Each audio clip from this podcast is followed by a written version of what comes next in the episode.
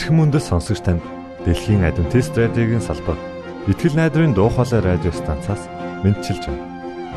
Сонсогч танд хүргэх маань нэвтрүүлэг өдөр бүр Улаанбаатарын цагаар 19 цаг 30 минутаас 20 цагийн хооронд 17730 кГц зөвлөлтөөр 16 метрийн долгионоор цацагдж байна. Энэхүү нэвтрүүлгээр танд энэ дэлхий дээр хэрхэн аз жаргалтай амьдрах талаар зарчим болон мэдлэгийг танилцуулахдаа бид таатай байх болноо.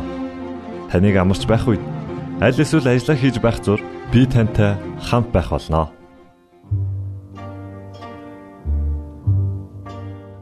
Өнөөдрийн дугаараар та бидний эрүүл мэнд юу бодож байгаатай маань холбоо хамааралтай юу гэдгийг олж мэдэх болно.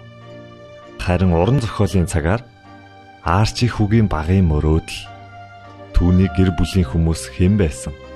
Мөн түүний амьдралын талаар хамтдаа сонсох болно. За ингээд танд нэвтрүүлгүүдэд хүргэж байна.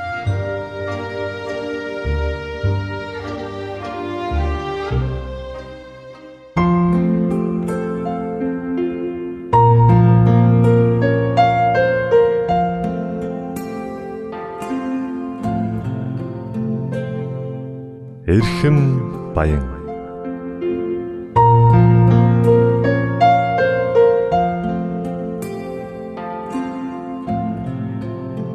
эрүүл амьдрах арга ухаан зөвлөмж тайлбарыг хүргэдэг эрхэм баян нэвтрүүлгийн шин дугаар эхэлж байна.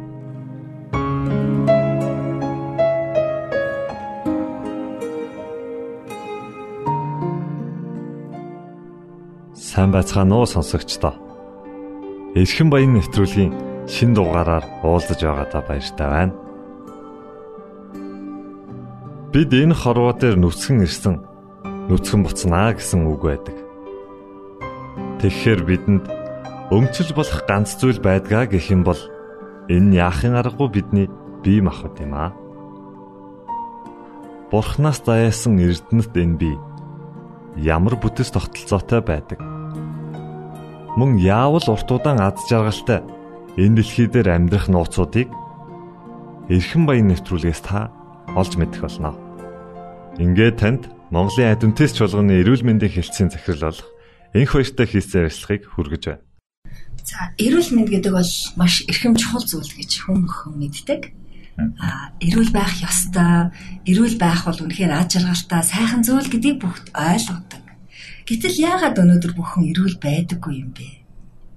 Ямар нэгэн асуудал заавал бидэнд гарч ирдэг. Тэгэхээр хүн өөрийгөө хамгаалах, бас өөрийгөө халамжлах, асрах тал дээр дандаа дутагдaltaй явдаг болж тарах гэдэг байгааз. Жишээлбэл бид нэг шинэ машин авъя гэж бодъё л да. Одоо чи нэг шинэ машинтай боллоо. Ямар их арчиж тоордох вэ? Дотор нь хийх ёстой шингэн өөрөөр хэлбэл бензин, хөдөлгүүрийн тос, за тэгээ бусад шаардлагатай тоормсны шингэн бүх зүйлийг цаг хугацаанд нь ямар ч байсан солино. А зориулалтын зүйлийг нь өгнө. Өөрөөр хэлбэл дизель хөдөлгөөрөөр ажилдаг бол юуг нь өхөө? Дизель хөдөлгөөрийг. Бензинээр бол бензин ноцоостой бол бензинийг өгнө. Гэтэл хүн анх бүтээхдээ ив эрүүл төгс тэр бүх хэл бурхны хэлсэнчлэн дуулал намын 139 дугаар бүлгийн 14 дугаар эшлэл дээр бурхан биднийг яаж бүтээсэн гэдэг үлээ бурхан намайг аимшигтай бөгөөд гайхамшигтайгаар бүтээсэн гэж хэлдэг.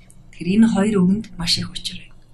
Бид өөрсдөө таньж мэдэхгүй байгаа зүйл маш их байгаа. Тийм учраас бид айж байна гайхамшигтай гэдэг маань бидний таньж мэдсэн тэр зүйлийг хараад эргэтэн системийн тогтолцоо маань ямар гайхамшигтай юм бэ гэдгийг ойлгож мэддэг. За ингээд хүн алсын замд гарах боллоо гэхэд мэдээж нөгөө гоё авсан шинэ машинтайгаа явна да тий. Машинда бүхий л шаардлагатай зүйлийг дүүргэж аваад хангалттай хэмжээнд таслах материал одоо юу гэдгийг шаардлагатай бүх зүйлээр хангаад дээрээс нь өөртөө хэрэгцээтэй зүйлээ ачаад аваад гарна да тий. Яг үүнтэй адилхан хүн өглөө босоод алсын зад гарч байгаа гэж бодоод өөртөө хэрэгцээтэй зүйлийг биедээ хийх шаардлагатай болно. Тэгэхээр хүн эрүүл байхад хідэн зүйл шалтгаантай юм. Нэгдүгээр биедээ юу хийх вэ? Өөрөөр амаараа юу хийх вэ? Нөгөөх нь бие махбодороо ямар хөдөлгөөн, ямар дасгалч гэдэг юм уу те? Бие махбодороо юу хийх вэ? Гуравдугаар уурах тархинда, оюун санаанда ямар мэдээллийг өгч, ямар одоо юу гэдэг нь зөвлөгөөнүүдийг авах ёстой вэ гэдэг өөрөөр хэлэх юм бол амаараа юу хийх вэ? Биеэрээ юу хийх вэ? Өөрөг тархиндаа юу хийх вэ гэдэг гурван сонголт зайлшгүй тулгардаг байна. Зарим хүмүүс байдаг штэ ингээд өглөө ерөөсөө өглөөний хоол идэггүй би чаддгүй маа өглөө шууд босч ирээд ингээд юм идэж чаддгүй ингээд Тэгэхээр машинд алсын зам гаргаж чавал эхлээ бензин тусаа сайн их хэрэгтэй ойлгомжтой тийм. Зарим хүмүүс маалахаар өглөөний хоол идэхгүй гараад тах шиг юм л да. Энэний талаар За машинаар ярихад одоо ойлгомжтой болсон баг шүү дээ. Бензинээ баг хийсэн машин хэр хоол явах вэ? Бензиний хэмжээгээр л явна. Яг үнэ. Тэгэхээр өглөө хүн босоод яг тодорхой хугацаанд жишээлбэл 6-аас 8, за 6-аас 8 гэж 8 цаг унтсан гэдэг маань хотод өсвөлэн байсан. Тэр хоосон болчихж байгааз банк хоосон. За тодорхой хугацаагаар хоосон байсан тэр зүйлд шаардлагатай зүйлийг нөх хэрэгтэй. Хамгийн түрүүнд бид нар мэдээж өглөөс ирээд ус уудаг ийм хөвшилт сурч хэрэгтэй. Өглөөс ирлээ ус ууж хоол боловсруулах замаа бэлтгэн. Хоол боловсруулах зам маань бэлэн болсон тохиолдолд тодорхой одоо шингэн ууснаас өөрөө ус ууснаас 30 минутын дараа өглөөнийхөө цайгаа идэхээр тохируулж шингэн уух нь шүү дээ.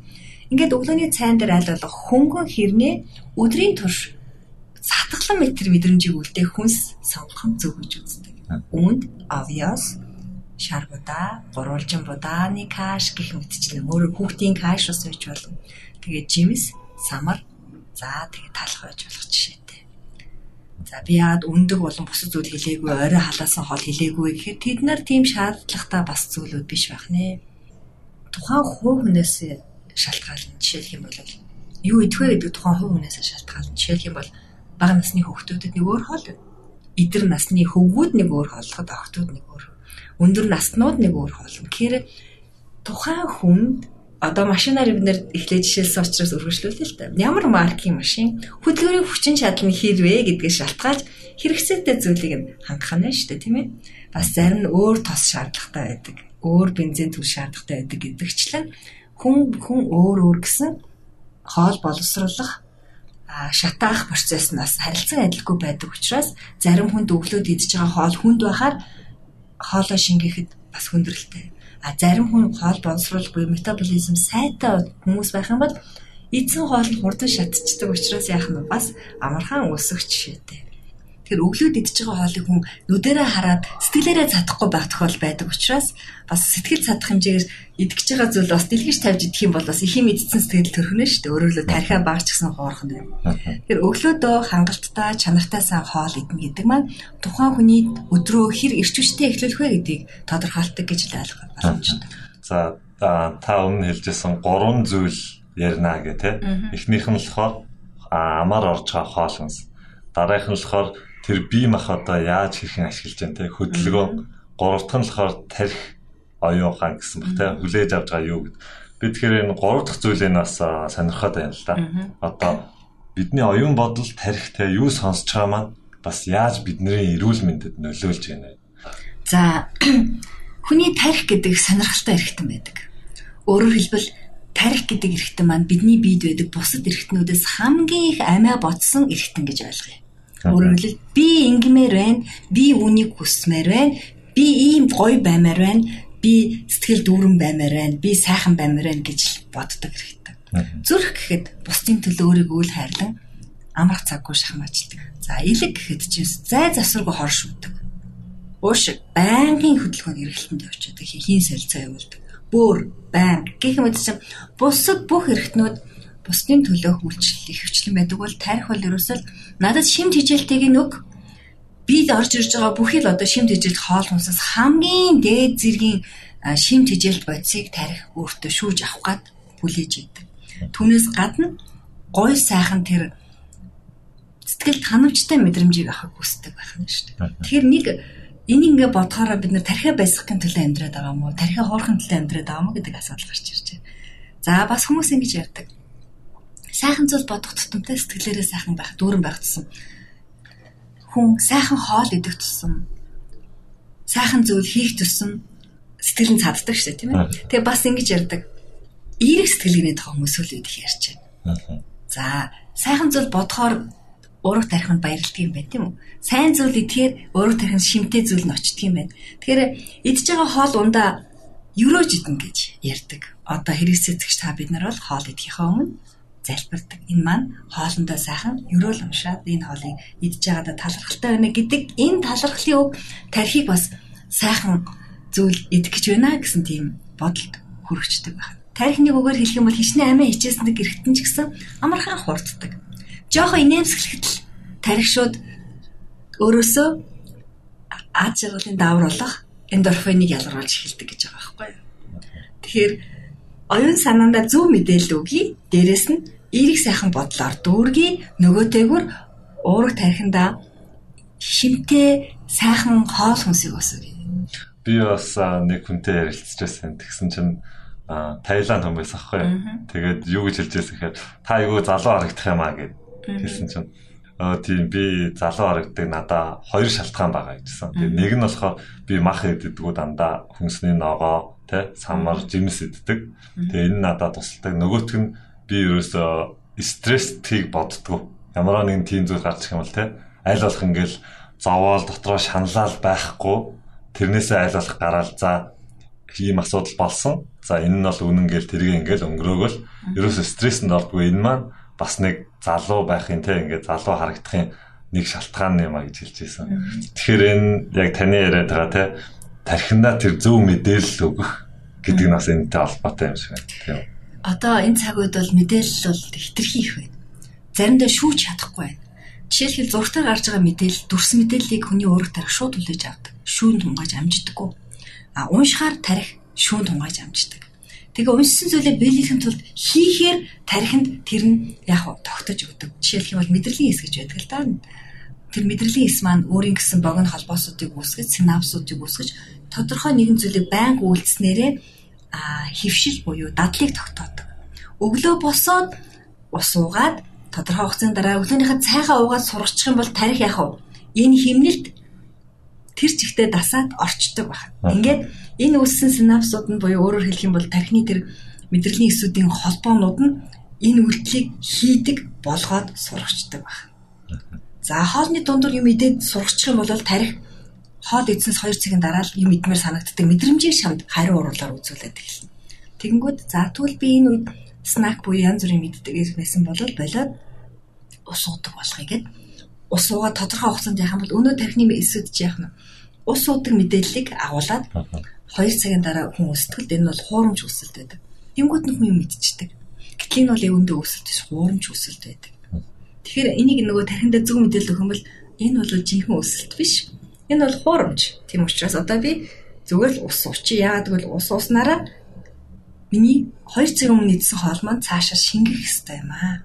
Энд ус хэрэгцээтэй байгаа учраас цангах үсэх төв тархинд ойрхон байдаг учраас андуурагдсан ойлголтыг миний бие махбод үзүүлээд байгаа юм байна. Одоо би нэг шинжлэх ухааны үндслэлтэйгээр ойлгоцсон учраас би юм идэхгүй харин ус уяа гэх юм бол тарих яах вэ?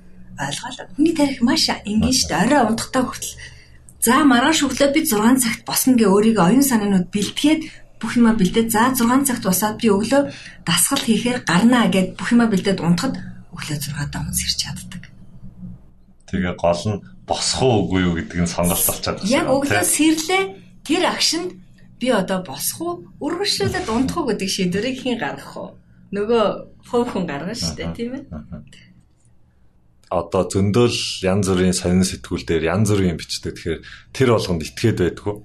Тэгэхээр миний асуух гэдэг асуулт болохоор яг энэ энэхүү мэдлэг, мэдээллийг үнэн гэдгийг бид нар бас яаж мэдэх вэ? Та үүн дээр бас нэг хариулт өгнө. Миний хувьд бол би 7 дахь өдрийн адвентист сүмийн гишүүн учраас 7 дахь өдрийн адвентист сүмийн эрүүл мэндийн мэдээнд итгэдэг. Манай 7 дахь өдрийн адвентист сүмийн эрүүл мэндийн мэдээ маань Библиэлд суурилсан Эллен Вайтийн бичээсүүд дээр үндэслэсэн шинжлэх ухааны болон судалгаа шинжилгээний ажлуудын туршилтын үр дүнгуудыг тулгуурлан гэж ойлгож та авсан өөрөөр тулгын гурван чулуу шиг юм одоо би ярьж байна. Нэгдүгээр Библиэд гэмээр хоёрдугаар Эллен Вайтийн бичсэн бичээсүүд байна. Яагад бол Эллен Вайтыг манай сүмийн зүүн чимэгтээ түүний бидэнд үлдээсэн бичээсүүд маань ариун сүнсээр хүлгэлгдэж ирсэн учраас бид нэр үндэслэлтэй гэж үтгэж хүлээн зөвшөөрдөг. Шийдлэх ухаан юу гэж хэлж байна? Үнэхэрийн хүний ходоод бол хоол боловсруулах зам маань хүнс ногоо боловсруулахад зориулагдсан байна. Өөрөөр хэлэх юм бол махан тэжээлтэй амтан өсөн тэжээлтэй амтны хоол боловсрол замыг судлахад хүнийх өсөн тэжээлтнийх юм шиг байна. За нөгөө төгөр гэхэд мах буюу амтны гаралтай бүтээгдэхүүн баг хэрглэж байгаа хүмүүс урт бөгөөд эрүүл наслт юм байна гэдэг судалгаар гаргаад ирсэн. Тийм учраас бид нар энэ гурван зүйл дээр адвентист эрүүл мэндийн мэдээ үндэслэлдэг юм байна гэж үзэж байна. Өөрөөр хэлэх юм бол одоо тулгын гурван чулууга тавья. Библи буюу судар, Бурхны эсвэг, Элен Вайтийн бичээсүүд хажууд нь орчин үеийн өдрөөс өдөрт жилээс жилд бараг цаг минут тутамд шинжлэгдэж байгаа анагаахын шинжлэх ухааны болон эрүүл мэндийн шинжлэх ухааны болон бусад шинжлэх ухааны туршил, судалгаа, онлайн үндэслэлүүд. За тэгээд дээр нь тогоотой ус тавья л да. Тэндээс буслаад гарч байгаа ууршиж байгаа мэдээ маань юу? Манай адвентист эрүүл мэндийн мэдээ. Тэр хүн бүхэн төвөн хүрэх ёстой юм а гэсэн ийм зөвлөлийг бид үргэлж бодож явдгийг. За баярлалаа танд. Та бүхэн сая сонссон бахаа Эрхэн баян радио нэвтрүүлгийн мэдлэг мэдээлэл онлууд нь адвентист эрүүл мэндээс гаралтай юм байна. Та бүхэн бас зөв зүйл ярьж яана итгэж болох уу үгүй юу гэж бас эргэлзэх хэрэггүй. Энэ бол шинжлэх ухаанаар батлагдсан ийм эрүүл мэндийн систем бүхий мэдлэг мэдээллүүд байгаа юм аа. Бид дараагийн нэвтрүүлгээрээ танд эрүүл амьдралын 8 зарчим болох шинэ гараа хөтөлбөрийг танилцуулах болно. Дараагийн нэвтрүүлэг хүртэл түр баяртай.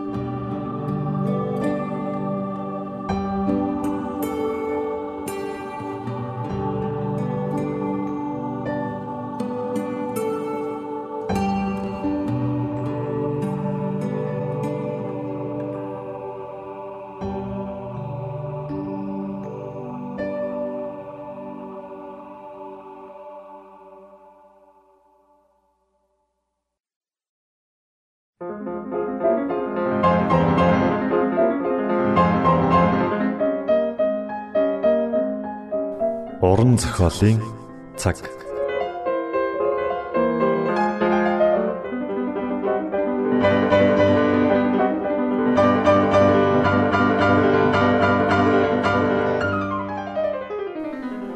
Уран зохиолын цаг нэвтрүүлгийн шин дугаараар уулзж байгаадаа баяртай. Энэхүү булангаараа бид уран зохиол, утга уянга, яруу найргийн өнгө аястай ном тохиомлуудыг сонсогч та бүхэндээ хүргэх болно. Та бидэнтэй хамт байгаарай. Энэ удаагийн дугаараар эцгийн гашуун бэлэг хэмээх Арчи хүүгийн тухай гарах номыг сонирдуулах гэж байна. Хөгжмөд артн сонов.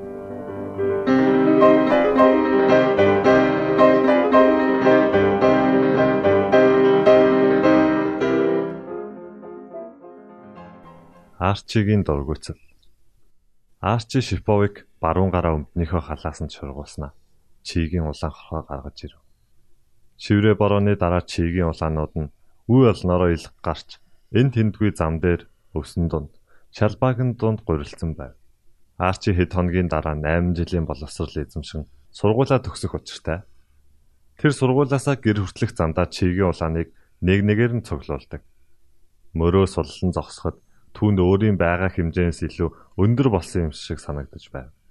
Яагад гэвэл удахгүй сургуулаа төгсөх бодол борооны дараах цэнгэг агаар чийгтэй газрын өнөр Оросын шугуу дээгүр татсан солонго халаасанд нь байгаа шавартай чигийн улаанууд байсан учраас түүний сэтгэлийг ихэд догтлуулва. 1909 оны 5 дугаар сарын тэр үед Николай хаан өөрийн өргөөндөөч Арчи шиг сэтгэл хангалуун байгаагүй байх. Арчи халаасаа чигийн улаанаар дүүргээд гэрлүүгээгүй. Тэрээр гэртээ гүйж орж ирэнгүүт ном дэвтрээ хаалганы хажуудах модон сандалт хийшидэд загасныхаа ургыг шүүрч аваад эхийгээ дуудав. Пишингийн хажууд хөх будаагаар хийсэн талхаа эргүүлж байсан ээжийнх нь нүр халуун зуухнаас болж час улаан харагдав. Би явж загас барьлаа ээжээ. Тэр чин сайхан санаа байна гэж Домка Шиповик хэлээд том хүүгээ өхөөрцөн харцаар харав. Тэгээд урт хар гизгээ нуруу руугаа унжуулаад барьсан загснуудыг чинь орой шарж өгье. Шинхэн барьсан талах гэрийн бяслаг шөлтөө идвэл их л амтай байх ах та. Харанхуй болохоос өмнө нэрээрээ чи гэж аав нь их л дээрэнгүй хэлв. Тэр агшинд Арчиг гинт тэнгэлсэн зов тусав. Арчи загсны ургаа барьсаар хаалганы хажууд удаан тэнгэлсэн зогсов. Түүний нүд гэлэлзэн би бас юу хийчихсэн юм бэ? Та надад итгэхгүй байна уу? Би насанд хүрэх төгсөн гэдгийг ойлгохгүй байна уу? Яагаад та намайг дандаа хавчиж байдаг юм? Та яагаад майр Роман хоёртой ийм ширүүн ярьдгүй юм бэ? Яагаад Берчэня хоёрт хамаг юм авч өгөөд байдаг юм бэ гэж хэлмээр санагдав.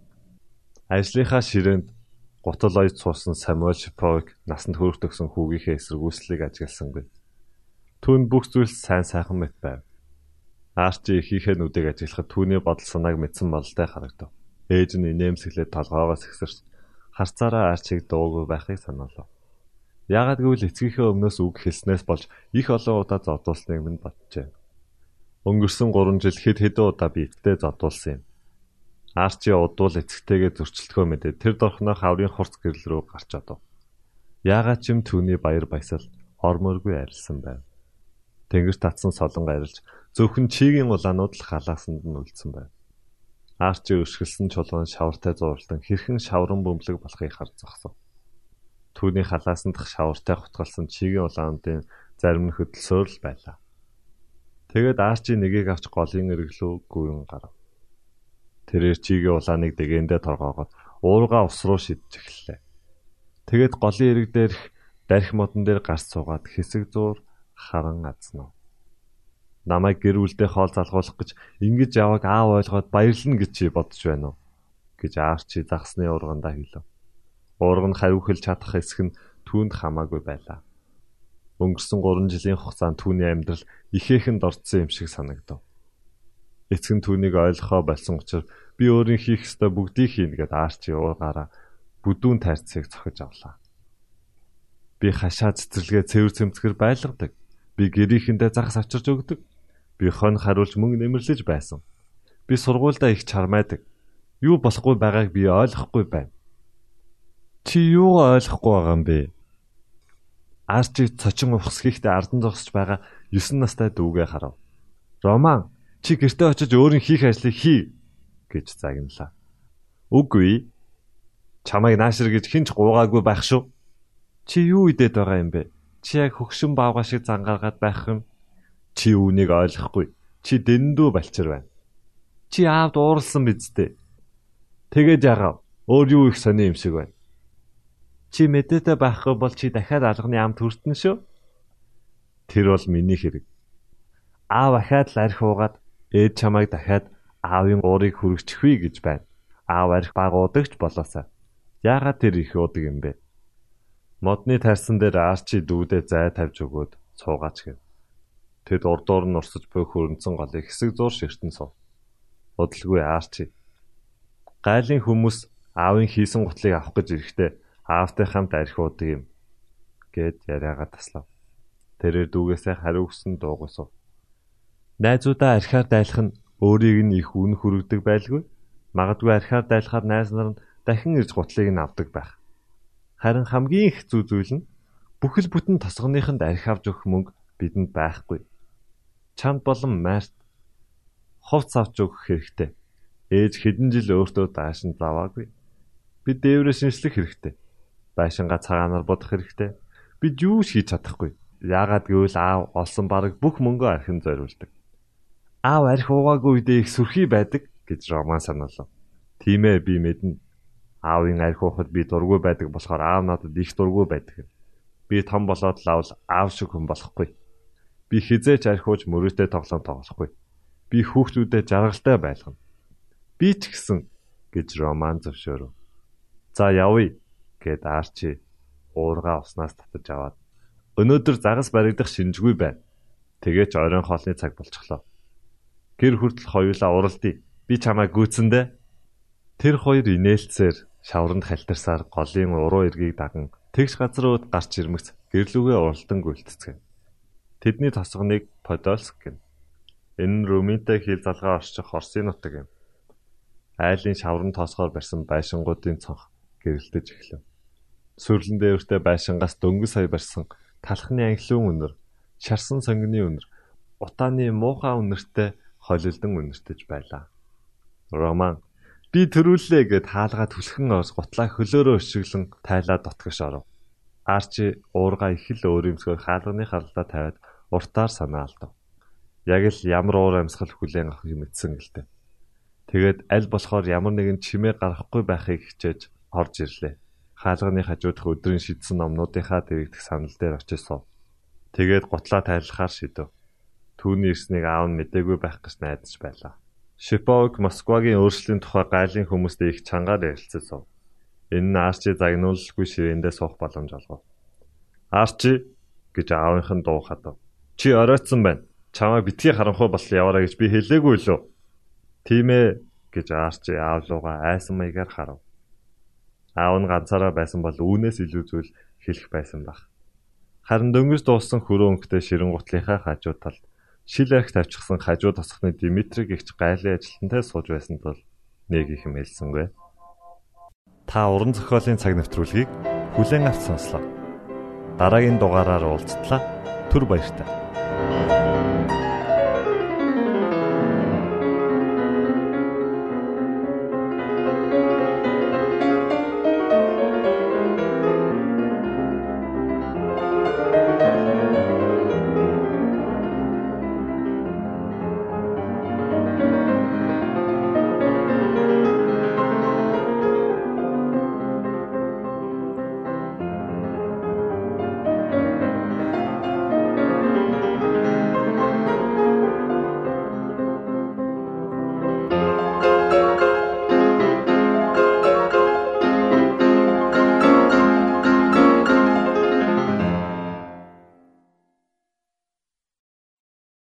Итгэл найдрын дуу хоолой радио станцаас бэлтгэн хөрөгдөг нэвтрүүлгээ танд хүргэлээ. Хэрв та энэ өдрийн нэвтрүүлгийг сонсож амжаагүй аль эсвэл дахин сонсохыг хүсвэл бидэнтэй дараах хаягаар холбогдорой.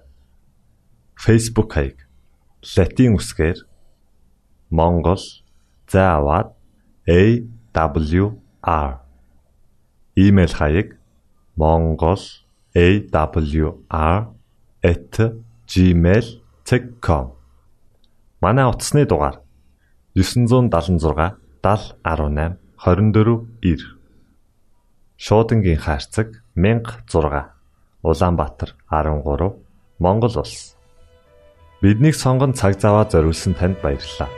Бурхан таныг ивээх болтугай.